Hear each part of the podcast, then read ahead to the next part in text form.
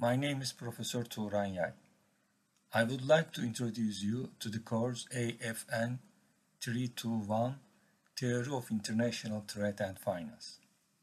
The course, also called International Economics, is about how nations interact with each other through trade of goods and services, flows of money and investment.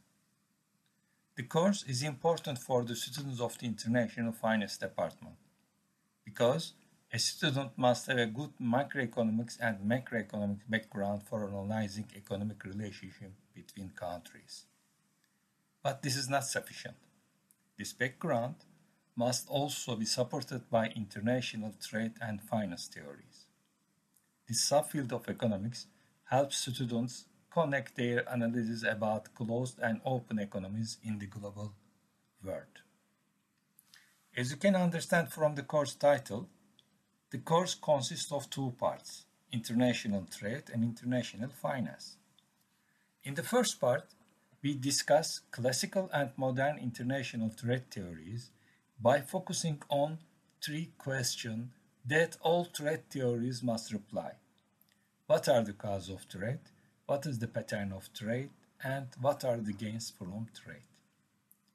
We examine some critical problems in this context, such as whether a country can continue as a closed economy, what does a country export or import, or is international trade between two countries a zero-sum or positive-sum activity.